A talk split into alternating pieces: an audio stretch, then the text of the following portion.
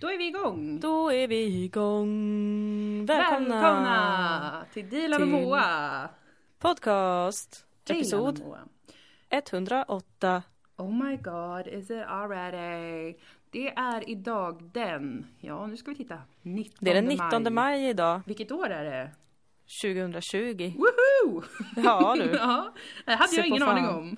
Nej, nej jag vet. Jag visste det, ska jag säga varför. För att eh, idag är det exakt två år sedan jag träffade min eh, älskare. Är det sant? Är det tvåårsjubileet idag? Du, Mm. Ja, det var det på Tinder-dejten ni var på, Ja. på, på restaurangen där? Ja, alltså baren. Men grattis ehm, till er, till kärleken. Ja men tack så En mycket. kvinna och en man som lever i varann. Det finns inget starkare. Det är min Vad är Tänk det någon- för låt? Det är en jätteäcklig låt som någon har skrivit. Jag vet inte vem. Men den, den går så. En kvinna och en man som lever, alltså jag tror att de sjunger i varann. Nej men, Det finns Nej. inget starkare. nej, men gud vad obehagligt. Jag, vill, jag gör slut nu.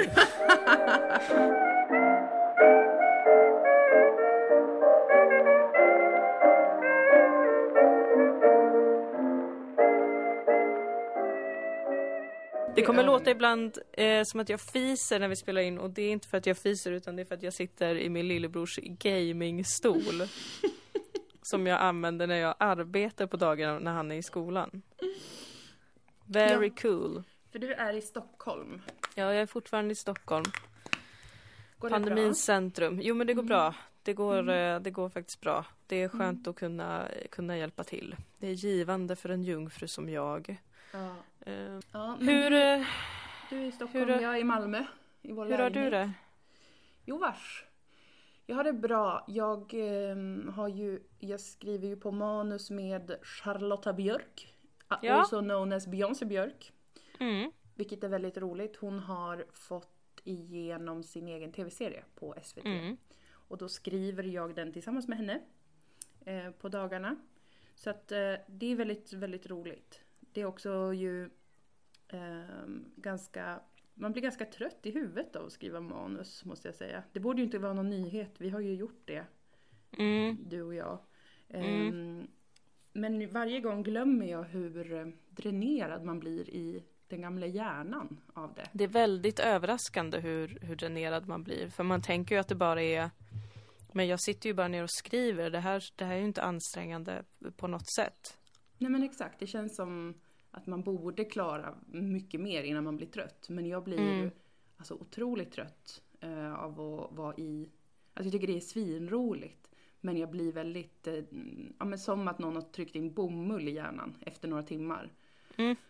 Att det liksom känns lite, att jag blir helt virrig och, och liksom kan somna typ.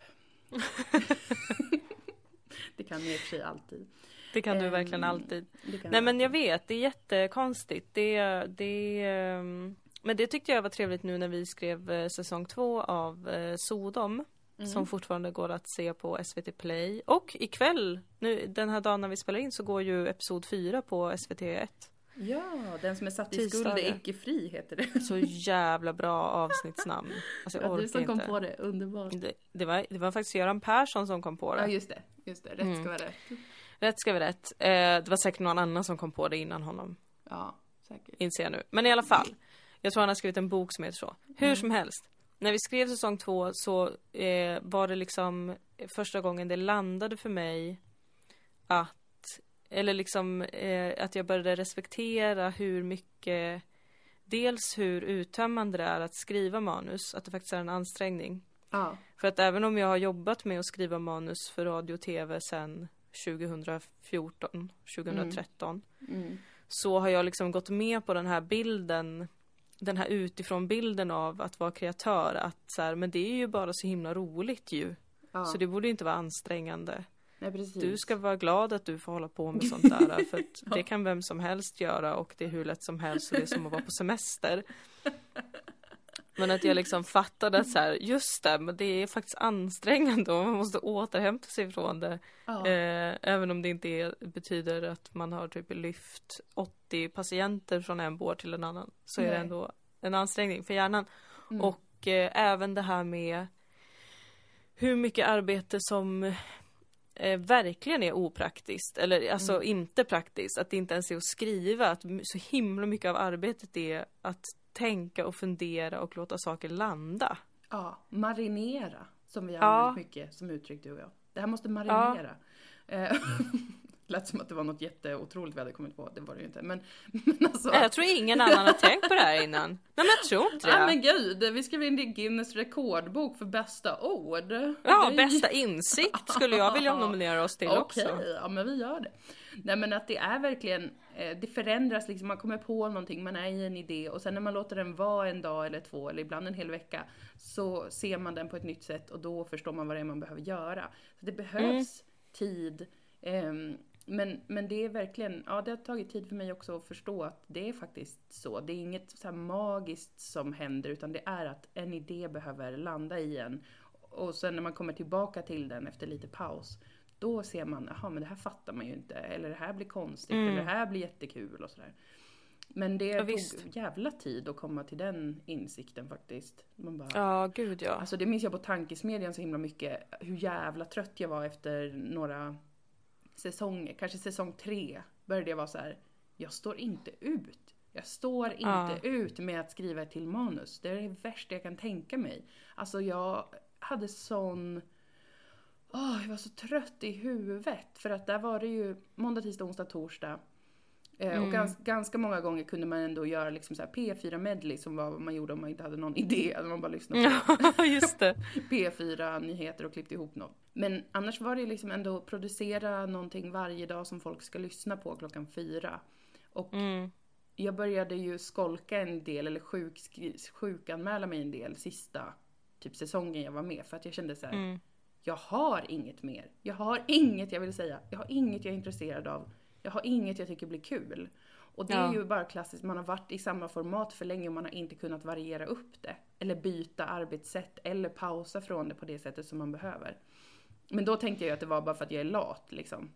Ja, just att det. Så här, ja men det är som så jag alltid är. Att jag eh, liksom tappar intresset efter ett tag och vill sluta. Men det stämmer inte för jag är ju mer intresserad än någonsin av manus och av att skriva. Men jag vet nu att det, det går inte att göra det i den takten för länge. För då blir, börjar det bli dåligt också ju. Man börjar ju bara höfta olika. Och då kan det i och för sig bli kul, typ med, med satir och sådär kan det ju också bli roligare av att man skiter i. Men det kan också bli mycket, mycket sämre av att man inte orkar göra sin research. Man orkar inte skriva det särskilt eh, ordentligt och sådär. Nej, för det var ju det som också var grejen att alltså dels så, så skulle man ju skriva en prata varje dag, Mm. eh, fyra dagar i veckan. Men det var ju också tvungen, alltså det var ju väldigt mycket research Mm. inblandat. Mm.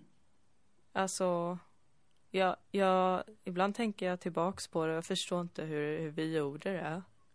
Nej, det är otroligt. Ja, jag blir imponerad av lilla Dilan och lilla Moa och alla andra som gjorde det där programmet. Det är Ja. fan en jävla bedrift. Jag lyssnade faktiskt på gamla Tankesmedjan idag.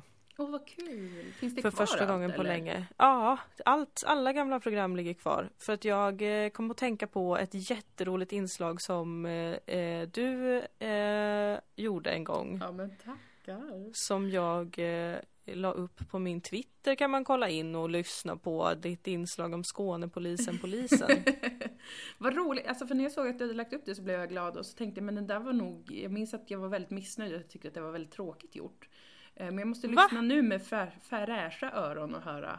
Eh, För att Alltså- jag litar på ditt omdöme att det inte var det. Jag, jag lyssnade på det och så tänkte jag att varför vann inte det inslaget ett liksom radiopris? För att det var så himla, alltså det var så roligt och det var så genomarbetat och så himla bra skämt och du hade ringt till liksom Ja just jag justitiekansliet eller vad fan det var. Ja, Det minns jag att du älskade att göra telefonare. Ja, det var, det var det jag tyckte var roligast men jag vågade ganska sällan göra det. Och om, Ja.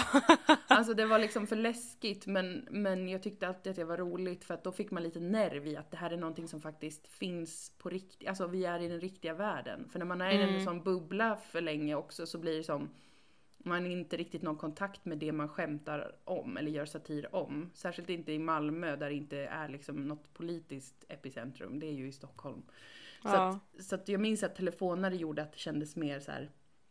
Just det, det här, det här finns, de här människorna finns. Det finns liksom, man kan ringa till justitiedepartementet. Ja. och presentera sina idéer. Det, det minns jag var väldigt kul. Men som sagt, jag var lite för feg ofta. Mm. För att göra Jag var också feg på ett sätt eh, i tankesmedjan för jag var väldigt feg med att eh, frångå manus. Det är något jag verkligen har jobbat med genom Mm. åren.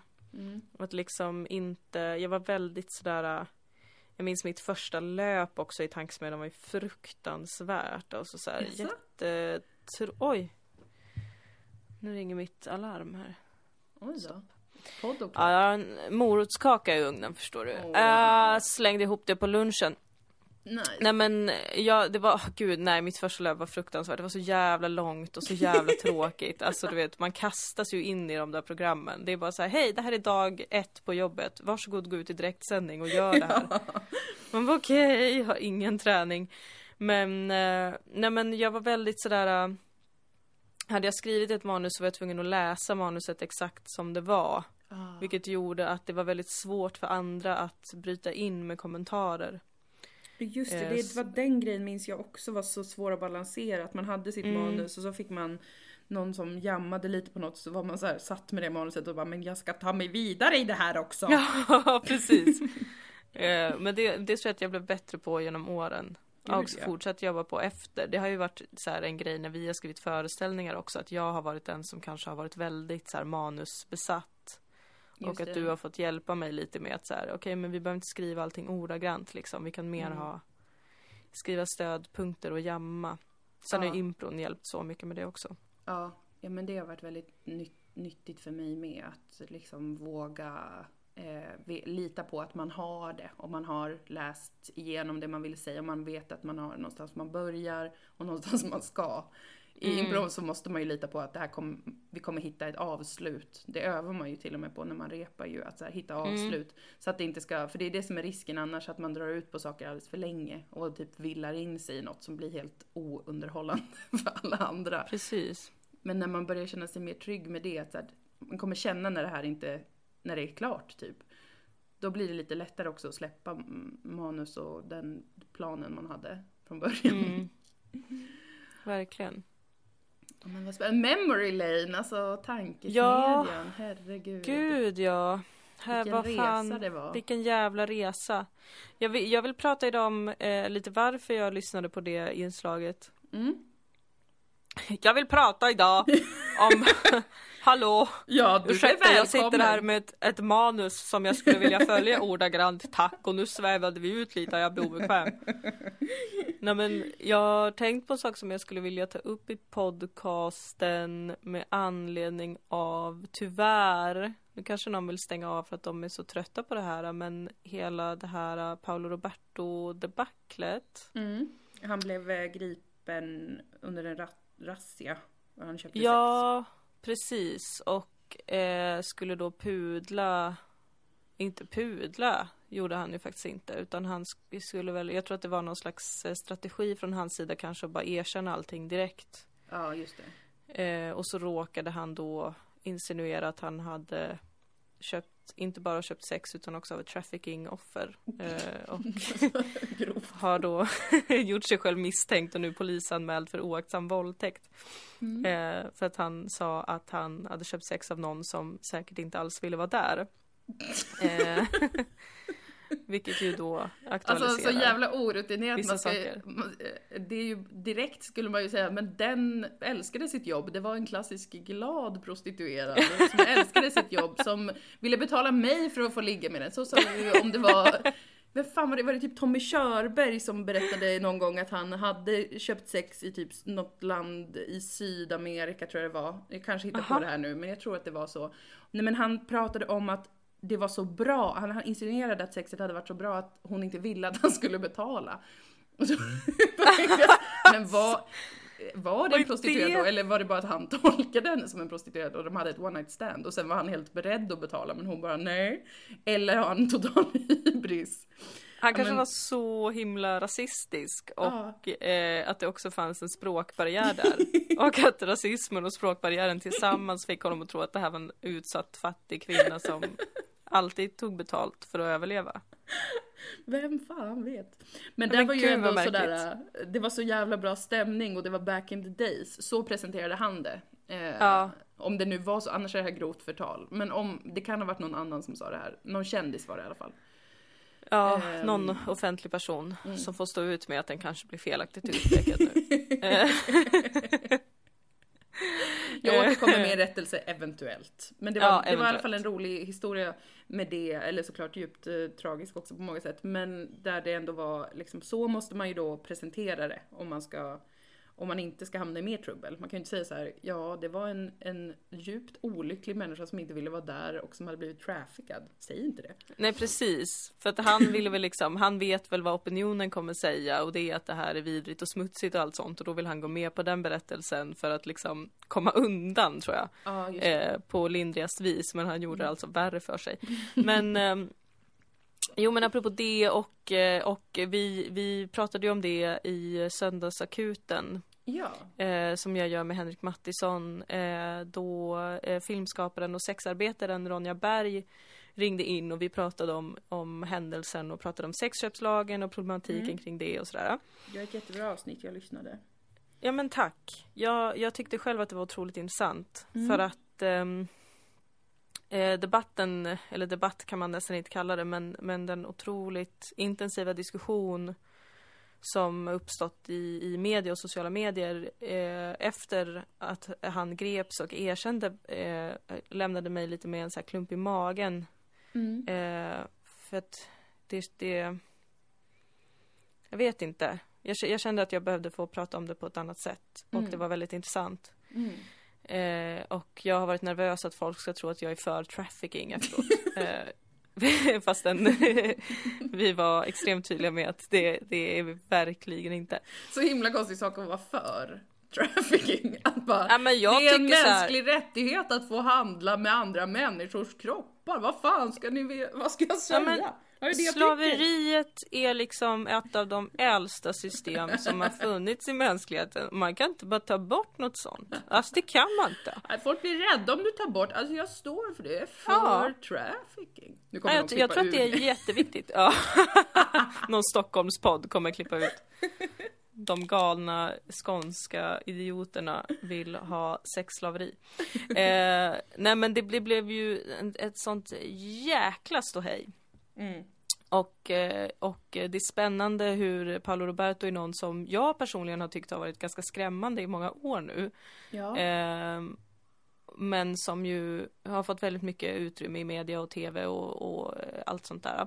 Mm. Eh, men att när det kommer fram att han har begått ett, den här typen av brott som, som vi som samhälle vill säga oss vara extremt mycket emot. Mm. Fastän vi fortfarande inte har kommit åt det.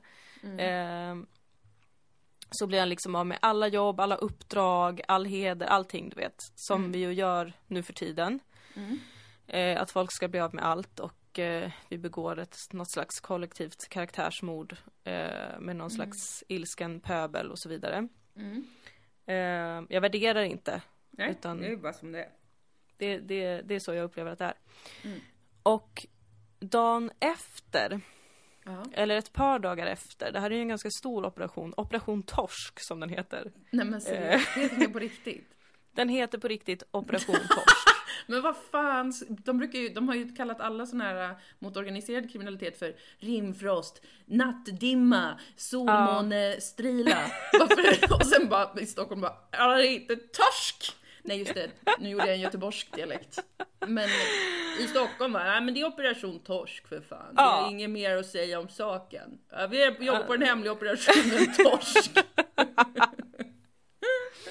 Ingen poesi där. Nej. Det får man ändå ge Skånepolisen. Ja, de, sitter, de har anlitat Bob Hansson för att skriva nya sammansatta ord som de kan döpa sina, organis- eh, sina ras och liknande. Där har Skånepolisen ändå lärt sig någonting av att ha åkt dit på och typ kalla folk för apajävel och sånt. Att de har, de har fattat att de inte är så bra med språket.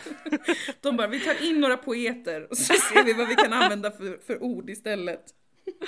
Och det är ju typiskt den regionala diskrimineringen bara, att i Stockholm, där får de komma undan med allting och då, då anstränger de sig ju inte på samma sätt som Skånepolisen gör va, utan man säger Nej, bara operation torsk. eh, och det tycker jag är tråkigt.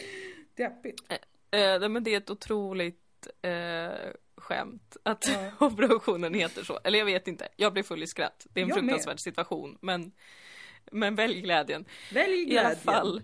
Mm. Eh, och under den här operation Torsk då som har pågått i flera dagar så efter eh, någon eller några dagar efter att eh, Paolo Roberto greps så slog man till mot, eh, jag tror att det var en massagesalong. Salong, Mm. där bland annat en anställd eh, på polismyndigheten, säger man så?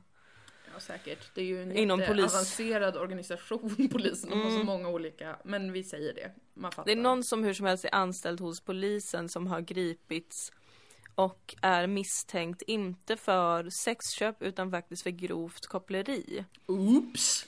Det där Vilket då innebär. Att man är misstänkt för att ha organiserat själva sexhandeln, vilket är ett eh, långt grövre brott än eh, sexköp. Alltså det är som en sån jävla dålig fars. Alltså det är Mm. så, som en otroligt mörk fars, givetvis. Alltså en, Mm. en, väldigt, en, en fars fylld av sorg och smärta. Men ändå så här, någon går in genom en dörr, en poliskonstapel kommer in genom en dörr, de är så här, där är operation torsk. Och sen går den in genom en annan dörr, det kommer ut en prostituerad, sen kommer polisen in igen. Alltså förstår du vad jag ser framför mig? En Ja, väldigt förstår. cynisk fars som, Ja. som heter operation torsk. Alltså det är, det, det, är, det, är, verk, det är verkligen en fars. Oh, En Lord. riktigt, riktigt tragisk fars. Ja, fy fan. Ja. Men det som jag reagerar på, och nu har det inte gått så många dagar liksom sen det här gripandet av den här polisen som nu är misstänkt har skett. Men Mm. det jag reagerar på är att jag har inte sett samma storm Nej, i vare sig media eller i mina sociala medier Nej. över att någon från självaste ordningsmakten är misstänkt för grovt koppleri. Och då grovt. kan man ju tänka så här. Ja, men för det första dealen så är personen bara misstänkt. Man är oskyldig tills motsatsen har bevisats. Ja, det stämmer. Men, men varför satt den polisen iklädd bara stringkalsonger och med ett sånt stort block? Där med olika bilder på kvinnor. Men han är bara misstänkt. Det, det var mina spekulationer, det var vad jag såg framför mig i Operation Torsk-farsen. Ja, ja, ja, precis. Det får vi vara det är inte- otroligt tydliga med. Ja, det Det där med string var Moas fantasi. Ehm, men även, men då tänker jag så här. Även Paolo Roberto eh, är ju fortfarande misstänkt. Mm. Visserligen har han erkänt till sexköp. Ja. Men mig veterligen har han inte erkänt till eh, oaktsam våldtäkt. Nej. In, indirekt har han erkänt till det. Men oavsett. Och sen så är det ju också så att den här polisen, polis, alltså Paolo Roberto gick ut själv och berättade och liksom, jag ska berätta allt det här, jag är smutsig, snälla tyck synd om mig, bla bla bla. Jag har ett hål i min själ och så vidare, buhu. Mm. Eh, stackars, stackars dig tänker man ju inte då. Eh, Nej, hela nej. Sverige tänkte inte så. Nej. Och eh, Polismyndigheten har ju såklart inte velat kommentera det här överhuvudtaget. Man håller det väldigt lågt. Så att jag menar, det är Mm. naturligtvis en skillnad i vilken information som har kommit ut. Mm. Men jag tycker ändå att det är intressant att en erkänt ganska aggressiv offentlig person som har en historia av våld, Mm. att han har köpt sex av vad man nu misstänker är ett offer för trafficking. Mm. att det väcker större reaktioner av chock, avsmak Mm. eh, och ilska hos folk Mm. än att någon från självaste våran ordningsmakt är misstänkt för ett grövre brott. Mm. Tycker jag är intressant att det inte väcker Nej, det det. eh, och liksom liknande raseri hos folk. Mm. Som sagt, nu har det inte gått många dagar. Jag vet inte om det kommer blossa upp nu framöver och då, då får man väl ta det här, då får man väl skita i allt jag säger nu. Ja. Nej men alltså det, det eh, är jätte jätte mm, bisarrt och jag tänker på att det är liksom att den bilden Alltså att det har blivit en sån, jag vet att jag pågår om sociala medier hela tiden. Men det spelar ju in, alltså så jävla mycket, även i detta tänker jag mig. Alltså att, att den, det är en känd person och det är en väldigt enkel ekvation. Det är väldigt lätt att säga, fy fan vad vidrig han är som köper sex av då också någon utsatt kvinna. Eh, det, det är liksom, man får upp en inre bild, de är, det är en lägenhetsbordell, det är väldigt gore, alltså det är väldigt smutsig mm. bild man får. Den är väldigt enkel av den här eh, aggressiva galningen som har fått miljoner kronor i lön av eh, sina tv-jobb. Som träffar på någon stackars eh, utsatt kvinna då. Eh, Medan den här andra, det här andra scenariot är liksom, egentligen är det ju eh, enormt sensationellt outhärdligt, vidrigt, hänt. Mm. Att någon från polisen har pågått med koppleri i just det med prostitution och trafficking och sådär. Det är ju såklart mycket större, det lär ha haft mycket större eh, påverkan, eller vad man ska säga, mm. samhällelig sådan. Att de har haft en jävla mole som, som liksom har kunnat eh, pågå med detta. Men det är liksom ett snäpp för abstrakt för sociala medier-logik. Alltså för mm. att koppleri, dels så, så känner man inte riktigt till tror jag vad det kanske riktigt är. Man får inte upp en jättetydlig bild i alla fall. Man får inte upp bilden av något pervo med penis ute som står och knackar på en lägenhetsdörr. Utan Nej. det är lite oklart så här, vad, ja det är ju, låter jättedåligt men liksom, ja. Vad vet jag? Ja. Plus att det då är liksom inte en känd person och sådär. Och så att den, det faktum att det är så otroligt mycket enklare bild, det här med, med Paolo Roberto.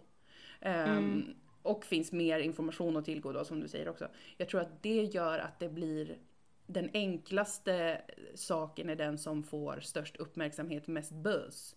För att mm. det finns liksom inte det är som att, eh, att det är för abstrakt med den här andra grejen fastän den uppenbarligen är helt sinnesrubbad. Den borde, alltså ja. det, det, borde ju alla rasa precis lika mycket över. Typ vad fan ska ni göra åt detta? Hur kunde det hända? Hur kunde den personen jobba hos er? Vi kräver ja. att vi får svar på det och vi kräver att ni visar att det aldrig kommer kunna hända igen genom att göra det och det och det och det. Men, men det är ju helt frånvarande, i alla fall till this, this day. Ja, och jag tror att det ja. spelar in faktiskt att det är att det blir liksom en, en sensationslysten stämning, eller det är ju inga nyheter, så har det ju varit ganska länge nu att man vet att det som skapar mest affekter på sociala medier får eh, mest uppmärksamhet, alltså det som skapar känslor av för mm. eller emot. Det har varit jättemycket snack om detta eh, ganska länge nu, alltså i relation till val, politiska val och liknande, att det är ett stort problem mm. att folk hamnar i sina fåror på sociala medier där man bara får det man liksom eh, redan är inne på. man får vink mm. vinklad information på olika sätt och, eh, och det som skapar affekter hos människor får otroligt genomslag. Alltså får sprids helt enkelt mm. jätte, jätte, jättesnabbt. Um, och det som inte skapar den där direkta känslan av så här, fans helvete vilket vider, sån är inte jag i alla fall. Allt som mm. inte skapar den direkta reaktionen, det, det liksom bara flyger under radarn. Som att det tillhör en helt annan värld. En helt annan ja. kontext. Men det gör ju inte det. Allt det här ingår ju i samma bild, i samma liksom samhälle som vi lever i. Och att, att en polis har hållit på med koppleri är ju extremt oroväckande hur i helvete det kan pågå. Eh, det är ju egentligen, borde man ju bli livrädd av att höra. Och även om man tycker att det är liksom, som sagt, eh, eller självklart helt fruktansvärt. Paolo Roberto är väl en djupt obehaglig person som borde fått hjälp för många år sedan. Men liksom, mm. men liksom att det är så himla lätt att reagera på det men att det nästan är eh, unheard of att få några känslor av, av, av den här andra typen av nyhet. Det tycker jag mm. är, är, känns eh, pissigt som fan för att det känns lite farligt. Faktiskt. Det känns jättefarligt och jag har länge haft en känsla av, och notera att jag säger känsla och inte åsikt för att jag vet inte om det här stämmer. Mm. Men jag har länge haft en känsla av att vi är helt oförmögna att kritisera ordningsmakten i Sverige. Mm. Eller inte kritisera för att det gör vi när det dyker upp saker som liksom, eh, ja men rom i registret Mm. eller eh, det som, som du ju skämtade om i tankesmedjan den dagen, eh, 2014 var det efter Limhamnsdemonstrationerna, Just ja. eh, eller demonstrationen Limhamn när polisen eh, kom in med kavalleri och eh, red red över folk. ner folk. Ja, just det. Mm, och körde på en person. Mm. Då, då kommer det ju kritik. Mm. Men jag, jag, jag saknar en liksom problematisering av en av de största, viktigaste funktionerna i den här rättsstaten. Mm. Och alltså ordningsmakten. Mm. Som man ju hela tiden, oavsett om det är liksom eh, polis eller väktare eller ordningsvakter. Alltså jag, jag, jag ser liksom regelbundet olika vittnesmål om övervåld, det blossar upp grejer i nyheterna. Men det känns som att det liksom puttrar på lite men att man inte har någon särskilt levande diskussion om och jag undrar om vi har pratat om det här i podden förut också. Men liksom, vad är ett våldsmonopol? Mm. Vad är det att ha en, en instans i samhället som ser till att vi, att vi efterlever de lagar som finns? Mm. Vad är det för någonting? Vad vill vi ha utav den? Vad, vad, är det något som ska vara hotfullt eller betryggande eller vad ska det vara? Alltså det känns som att det finns någon konstig spärr där och det känns som att det är lite fult att kritisera det. Återigen, det här är bara min känsla. Mm. Vill jag vara väldigt tydlig med. Mm.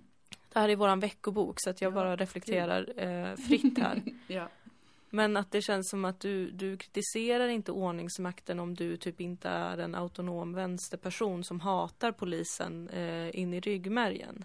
Precis, och som säger att den inte ska finnas typ. Vilket Mm. ju inte är ett alternativ så länge vi kan se framåt just nu i alla fall. Sen kan man väl eh, drömma om en, ett utopiskt samhälle där det inte ska vara nödvändigt. Eh, eller det ska anordnas på något annat sätt. Men, men det är liksom inte på kartan att vi inte skulle ha eh, polis i Sverige. Mm. Alltså det, det, om, om man vill prata om problemen med det så måste man ju också utgå från så här ser situationen ut och det finns liksom ingen sannolik chans att vi snart kommer ha ett samhälle där vi typ kramas med den som eh, mår dåligt och sen inte har fängelser och inte polis. Jag skulle önska det, självklart, men vad fan, det är inte där vi är. Och det, jag önskar att gå- poliser skulle vara socialarbetare med ett våldsmonopol. Ja, det hade, det hade varit lite mysigare.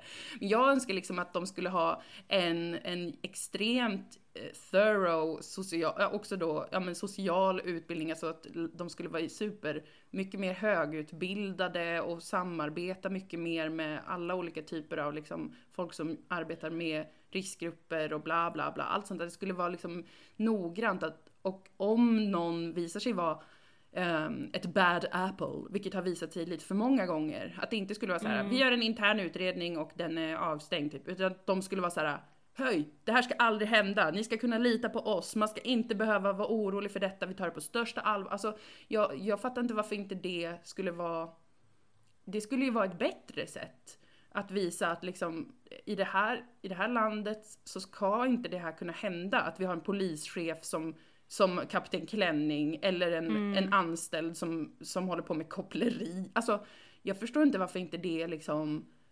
Varför får inte det en jävla extra sändning i TV4 Precis. som påkallas av journalisterna snarare än av den som har gjort det och vill försöka göra någon slags eh, snygg grej av det? Mm, alltså verkligen och typ Nej men att det, det, det, alla fattar ju att så kan det inte vara. Folk kan inte få slippa igenom systemen när de är såna jävla skithuvuden som den här polisen då som håller på med koppleri. Eller som Kapten Klänning. Alltså det är ju en enorm liksom tillitsproblematik som man förstår sitter kvar för resten av livet om man är med om att här, polismakten i det här landet råkade ha typ en chef som köpte sex av en 14-årig tjej på, på ett hem. Alltså du vet, det kan inte få hända och om det har hänt som det har hänt i Sverige så borde det vara av absolut största vikt för polisen att visa på hur många saker de gör för att det aldrig ska kunna hända igen och liksom att de tar det på absolut största allvar och att de svarar på alla frågor om hur det kan ha hänt, varför. Alltså du vet, det är så konstigt att bara, nej men det, är utre- det har utretts internt, hej då, Va, ursäkta? Ja. Ursäkta? Och i de absolut, absolut grövsta fallen så blir det, ja då blir det en stor mediebevakning under en tid och, och det finns i det allmänna medvetandet. Men när, Mm. när, när det är såna här lite mindre, mindre, att man, om man ens kan kalla det mindre, det kan man ju inte, men liksom Mm. mera som du, som du var inne på att det blir lite mer abstrakt liksom, det är Mm. inte lika mycket detaljer. Att det som passerar under radarn, det är, jag tycker att det är märkligt och jag är lite besvärad av den här äh, känslan då som sagt som jag har att det anses vara liksom eh, lite radikalt att, att eh, vilja problematisera olika maktordningar i samhället. Ja, För är det känns också- Att det, att det är liksom, för det är en helt fundamental demokratisk process och rättighet att pågå med. Att ständigt utvärdera och ständigt hålla koll på, hålla folk uppdaterade på hur det funkar, varför, när det går fel. Alltså det är ju, så, så måste det ju, annars så har man ju, kan ju de göra vad fan de vill. Vi, vi, vi vill ju inte Ja, ha det så. uppenbarligen. Precis, det känns ju skitpiss. Och, och, och, det- det... ger ju folk panik också såklart. Om man märker att det här kan hända inom poliskåren utan att det får samma konsekvenser som om liksom någon privatperson gör det eller liksom Nej men Mm. alltså det är helt, det, det är omöjligt dumt. Att inte ta det på absolut största och, eh, allvar och kommunicera ut det så och att folk då inte heller tror att det har något med dem att göra. Liksom. Alltså det att folk upplever som att det här med att Paolo Roberto har köpt sex, det har med dem själva att göra och deras moral och deras liv. Men Men för att man typ eh, köper hans pastasås och därmed kan relatera till honom. Eller vad? ja precis. Men jag har ju sett han på farmen och nu har han Ja. gjort det här, jag måste ta avstånd.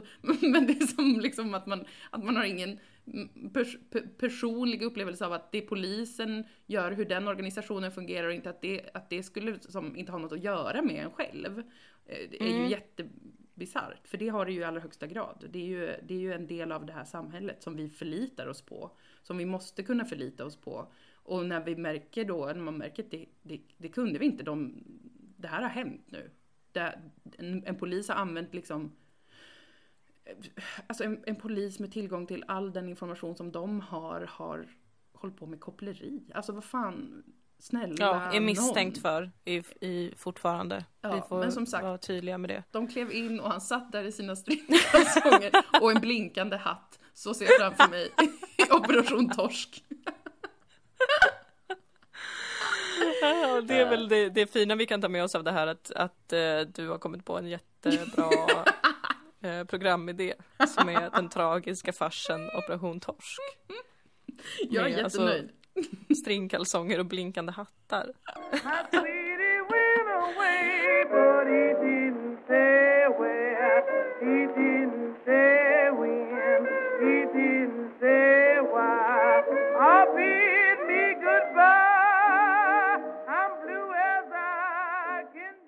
Annars då?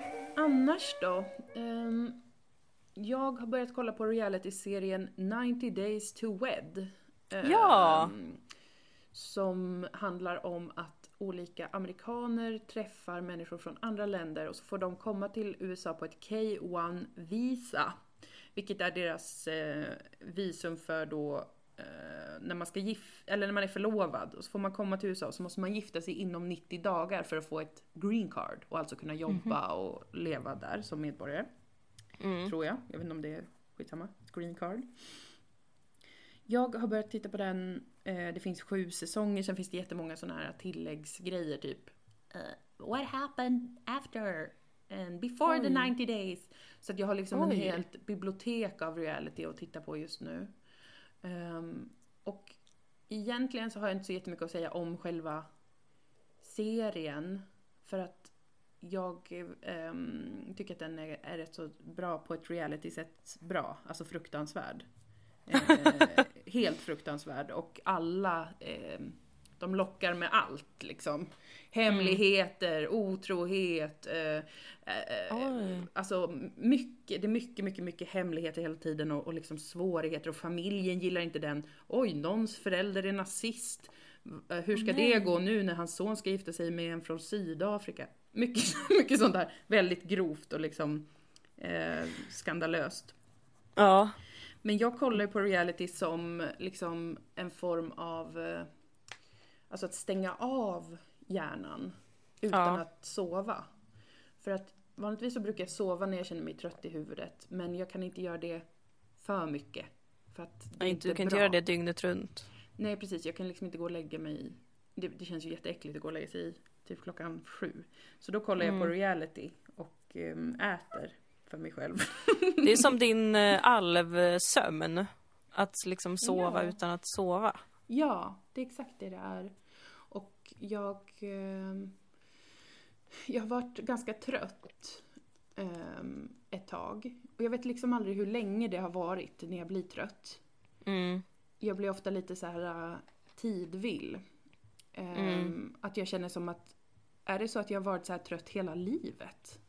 Är jag alltid så här trött? Ja. Är jag en person som är liksom helt sjuk i huvudet på det sättet att jag inte kan leva som en normal människa för att jag är så trött? Ja. Ehm, den känslan får jag alltid, för jag har haft såna perioder, ofta i liksom kombination med, eller det kommer ofta efter någonting intensivt har pågått. Mm. Eh, och så tänkte jag så här, men ingenting har ju hänt. Ingenting det. har ju hänt. Det har ju Du har ju varit helt stillastående. jag har, varit helt, jag har inte gjort något särskilt. Då har jag Mm. ingen anledning att vara trött. Eh, men så gick jag till min eh, psykolog Mm. och pratade med henne. Och då sa hon så här, du, för då sa jag det, jag bara, men jag, jag, blir orolig att jag är så trött och att jag behöver stänga av och distrahera mig så mycket. För att jag känner som att, eh, är jag alltid så här, kommer jag kunna liksom leva som en vuxen människa om jag blir så trött hela tiden, jämt i hela mitt liv? Utan Mm. anledning. Och hon bara, men minns du för två veckor sedan när du kom hit och sa till mig att du hade inte sovit för att du hade gjort en lista på natten över olika produktioner som SVT gör och hur många kvinnor som är med i dem. Minns Ja. du hur arg du var eh, och att du kände dig eh, galen av ilska? Och jag bara, Mm. eh, va? Nej, det kan inte jag komma ihåg. Jag har väl alltid varit en sån här trött sengångare som bara, bara mellowly tar mig igenom en dag och, och försöker få, få saker gjort. Mm. Men då tyckte jag att det var intressant just för att det är så himla lätt med olika typer av eh, psyk, psykbeteenden att man tappar tidsperspektivet så otroligt snabbt. Mm. För när hon sa det, då kom jag ju på sig, nej men just vi hade premiär för tre veckor sedan och det var väldigt Mm. liksom påfrestande, väldigt stressigt för mig och även för dig. Men jag går ju i terapi och pratar om mig, så att du behöver inte Mm. bli ledsen. Jag tänker på det också Äh. gumma. Varför jag- pratar du inte om mig med din psykolog? Ja, så ledsen, det är ett svek. Nej men alltså, sjukt. det var ju jättepåfrestande och är fortfarande till och från liksom. Fast, fast jag gjorde en aktiv plan att så här, stäng ner det här nu. Mm. Alltså så här, inte kolla sociala medier så himla mycket, inte hålla på och mejla. Jag mejlade ju alla kulturredaktioner också. Mejlade P1 Kultur Ja, och just det. SVT Kulturnyheterna och TV, TV-dags eller vad det heter, den här bloggen om TV och bara hej, vad fan händer typ? Vi har gjort en serie, are you fucking mad? Right about it. Mhm. Ehm, och som sagt, Obsant. obsant. Jag skrev det till dem att det känns ju jävligt B. eh, att ingen... Alltså sant att det är jävligt B av dem. ja, inte ja, det också. Mm. Det är jävligt B. Jag tycker, för, jag, tycker, jag står fast vid det oavsett vad, Mm. oavsett vad någon säger. Så tycker jag att det är lite så här, men skärp er, vad fan det här är awesome. Men i alla fall så bestämde jag mig så här, när, jag, när jag började sova dåligt. ehm, för att jag kände mig så uppe i varv och uppeldad. Ehm, det som även kallas för att jag blir eh, Ingmar Bergman. Ja. I folkmun. I folkmun kallas det att jag går in i Ingmar Bergman-fasen och Mm. blir demonisk och vill så här, blir så här konstigt aggressiv, vill slänga in saker i väggen och sånt. Mm. Alltså jag har en sån brinnande bara passion eh, som, som jag själv tar stryk av. För att man orkar Ja. inte ha det så. Han orkade ju inte heller det. Eh, men han hade väl så himla många tjejer hela tiden som liksom kunde ta udden av ibland med att, jag vet inte, Ja, laga du har ju bara en kille. Ja precis, och jag, och jag har en kille och så har jag dig och jag vill liksom inte att, eh, alltså jag har ju fler jag känner men som jag lever med. Och Mm. eh, när, när det börjar gå ut liksom över att jag känner att jag kan inte riktigt sova och jag, jag tänker på detta hela tiden. Jag har svårt att vara ledig eller tänka på någonting annat. Jag har svårt att få perspektiv på vad faktiskt som betyder någonting i Mm. livet. Då, vill, då, då, då blir det jobbigt liksom. Så att det funkade rätt så bra att stänga av. Alltså så här, jag gjorde bara lite regler för mig själv. Jag får inte, kolla, jag får inte ha med mobilen när jag går och lägger mig. Jag får inte, ja men lite sådana här basic grejer så här. Eh, Mm. ja, du vet. Och så funkade det ganska bra. Jag, jag kände att jag började kunna koppla bort och få lite perspektiv. Så här, jag är stolt över det vi har gjort och jag tycker det är jättebra. Och det, det är liksom, det är utanför min makt nu. Det, jag har inte kontroll över hur det här går och om, om vi kan, om serien har en framtid och sånt där. Det är liksom inte längre något som jag kan pilla med. Eller, eller hetsa upp mig så jävla mycket över. För att jag tar stryk av det själv. Och i förlängningen Mm. då även folk i min närhet. Så då började jag ju som stänga av det där och då kom tröttheten. Eh, Jag blev Mm. liksom så här, sover tio timmar om natten och vaknar och är så här, mm, lite trött fortfarande. Sen efter, typ efter lunch, hjärnan helt, helt off, helt mosig. Och, och jag känner mig sömntrött liksom, har jag gjort i typ två veckor. Att jag liksom kan, alltså jag kan somna även på dagen fastän jag sovit tio timmar på natten. Ja. Eh, och jag eh, blev lite sjuk, alltså bara lite så här, inte corona men bara förkyld typ. Ehm, Mm. Och bara så jävla dödstrött. Och direkt så var min, min slutsats att jag eh, liksom av ingen anledning bara är otroligt slapp och dum i huvudet. Men då var det väldigt bra att få lite perspektiv på att det är därför ju. Så kan det ju vara för, för vissa. Alla funkar ju inte på samma sätt. Men för mig verkar det vara som att det kan bli ganska intensivt. Ja. Känslomässigt kan, kan det bli väldigt, väldigt intensivt. Ehm, och då är det en typ av trötthet som slår in när det släpper, när den intensiteten börjar avta. Och den tröttheten är inte bara så här en god natts sömn och sen är man pigg och fräsch. Utan det är typ en liten, det är liksom en process av att komma tillbaka till ett läge av att vara ja, men lite mer balanserad. ja, det- att återhämta sig. Ja, precis. Och det här För att kanske... du- Mm, förlåt. säg. Nej, säger du. Nej men jag kände bara att det låter så otroligt eh, banalt eh, när jag säger det men, men det, när man är i saker så är det alltid så jävla svårt att ha det perspektivet typ att bara just det. Det var ju så här nu att det här var jätteintensivt för mig. Och då tar det en stund att vila och sen börja bli, komma tillbaka till en lite mera eh, balanserad, balanserad humör och energi. Att det så lätt att säga när man står utanför sig själv i efterhand och bara, men såklart. Men när man är i det så känner man oftast inte den logiken. Man känner bara sig själv som den man är den här dagen och om jag är trött idag så känns det som att jag är en person som alltid är trött. Och då blir man stressad över det och så blir man ännu mer trött. Kanske. Ja, och det är ju det som gör att jag eh, är lite anti eh, mindfulness-kulturen. Mm. För att där är det ju ett problem. Eh, jag är inte anti mindfulness-kulturen, men ibland är det faktiskt inte en hjälp med mindfulness. Som jag, som jag har förstått det så handlar ju det mycket om att vara i nuet. Mm. Och när man är i de tillstånden av att kanske vara uppjagad, stressad, ledsen, depressiv. Mm. Alltså man har en negativ fas eller vad man ska säga. Mm. Då är man ju, upplever jag i alla fall med mig själv, att så här, man är för mycket i nuet. Mm. Man glömmer helt bort att det finns en dåtid där man har gjort massa saker. Mm. Man glömmer helt bort att det finns en framtid där det kommer hända grejer. Man är Ja. bara så jävla här och nu i den känslan Verkligen. av att liksom allt suger och jag är så jävla dålig eller så jävla trött eller så jävla Mm. lat. Mm. Och kan liksom inte alls tänka förbi det. Nej. Det är jättemärkligt. Och du går ju in i saker så, alltså vi, vi båda, när det kommer till eh, arbete, Mm.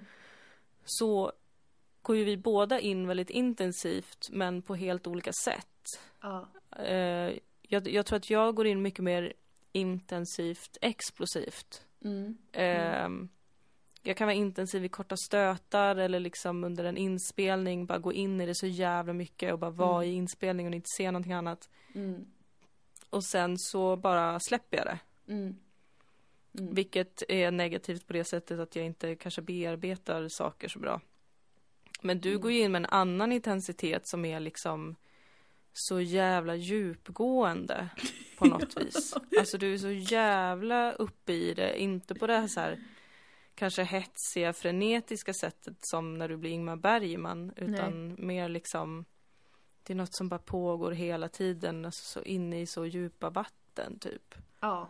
Och sen så måste ju det följas upp med en lika intensiv vila Ja. på något vis. men Upplever jag det som. Jo men det tror jag verkligen och det är så jävla... Det är så, det är så himla svårt att acceptera, tycker jag Mm. själv. Att man, alltså så här, alla har olika sådana här sätt som de fungerar på och hur man reagerar på, vad ska man säga, stress eller intensitet i sitt liv. Och, och Mm. Hur, liksom mycket det krävs innan man blir väldigt trött. Det, det tänker jag är väldigt individuellt. Men att, att det är så svårt att acceptera att just det, det här är ett av väldigt många sätt som man kan Mm. bli trött på. Det är inte någonting som är liksom sjukt med det. Eller det här är ett av många sätt att bli exalterad eller mm, liksom få intryck på. Det är inte någonting sjukligt med det. Och- Och det tror jag verkligen är sant att det är viktigt. Oj, Maria smsar mig nu jättemycket. Hon ska följa med ut på Österlen imorgon. Det ska bli jättemysigt. Nice. Nej men att det, mm, eh, det, det är det där lite större perspektivet som man behöver när man blir så otroligt uppe i, i sig själv, i sitt jobb, i ett problem man har eller motstånd man möter. Att det, det, det som man behöver är då att backa några steg men också då veta att när jag backar så kommer, då kommer någonting, då kommer kanske det jag inte har gjort utrymme för, alltså tröttheten eller att känna mig ledsen till exempel. För det har jag också känt mycket mer, så här bara liksom lite vågor av att känna mig eh, sorgsen, alltså utan att någonting händer. Men det är kanske så känslor och saker som jag inte har gett utrymme för, för att jag har varit inne i den här processen på ett sånt sätt som är liksom fight or flight. Ja. Nej, men liksom väldigt så här, nu jävlar och det här ska fixas och det här ska göras och det här ska bli bra. Och, och sen när- när man lämnar utrymme till någonting annat och tar vid så är det ju inte direkt bara så här, åh vad skönt att, att vila. Utan då kommer det fram så här, bara just det, jag känner mig också typ lite ledsen över vissa grejer. Ehm, jag känner mig trött, jag har inte vilat mig och jag har inte tagit in liksom, jag har inte tänkt på min familj på, på ganska länge och, och alla de sakerna. Alltså det, det kommer ju då när man, när man skapar lite utrymme. Så att det blir, det, det kräver också tid. Som du säger, intensiv intensitet kräver också någon slags intensitet i, att, så här, i vilan eller i återhämtningen och att vara beredd på att den innebär olika sensationer. Den är inte bara lugn bara för att man typ är ledig en hel helg. Det är li- liksom Nej, inte och det är ju, vila är ju också alltid eh, något som är lite förenat med stress när man har det yrket som vi har. För Ja. att, att du är färdig med någonting och kan släppa ifrån dig det betyder inte att du har tid att vila utan alltså det, den tiden är ju inte betald. Nej, Vi har ju bara betalt när vi gör saker. ja, Sen Precis. har man, vi får ju inga pengar för att vi har en premiär. nej, Vi måste jobba med det men det är ingen som betalar oss för det. nej, precis. Och samma Vi med, med, får- liksom med klippprocessen. Där är vi ju delaktiga och, och allt sånt men det är ju inget vi får lön för. Så man är ju uppe i någonting som om man måste ha andra jobb samtidigt. Eh, Precis, och har man att hållit det- på så i flera år så är det så jävla hårt liksom inbankat i en själv att typ oj nu har jag massa dagar här där det inte händer någonting, där jag inte Mm. aktivt sitter och producerar någonting. mm, Vad ska hända då? Stress. Det, bety- det är synonymt med inga pengar, vilket är synonymt med inget kul liv. mm, Så måste man liksom anstränga sig för att ja. få ta det lugnt. Ja men faktiskt och att, att liksom anstränga sig för att acceptera att återhämtning från eh, stress eller intensitet innebär ehm, dels att man behöver distrahera sig kanske då, vilket jag gör med 90 Days to Wed, vilket är väldigt Mm. skönt och jag älskar att få bara stänga av hjärnan. Men, men det innebär också lite andra grejer. Kanske att man blir väldigt trött eller att man känner sig liksom lite emotionellt labil. Kanske börjar grina över något man inte vanligtvis skulle tycka var jobbigt.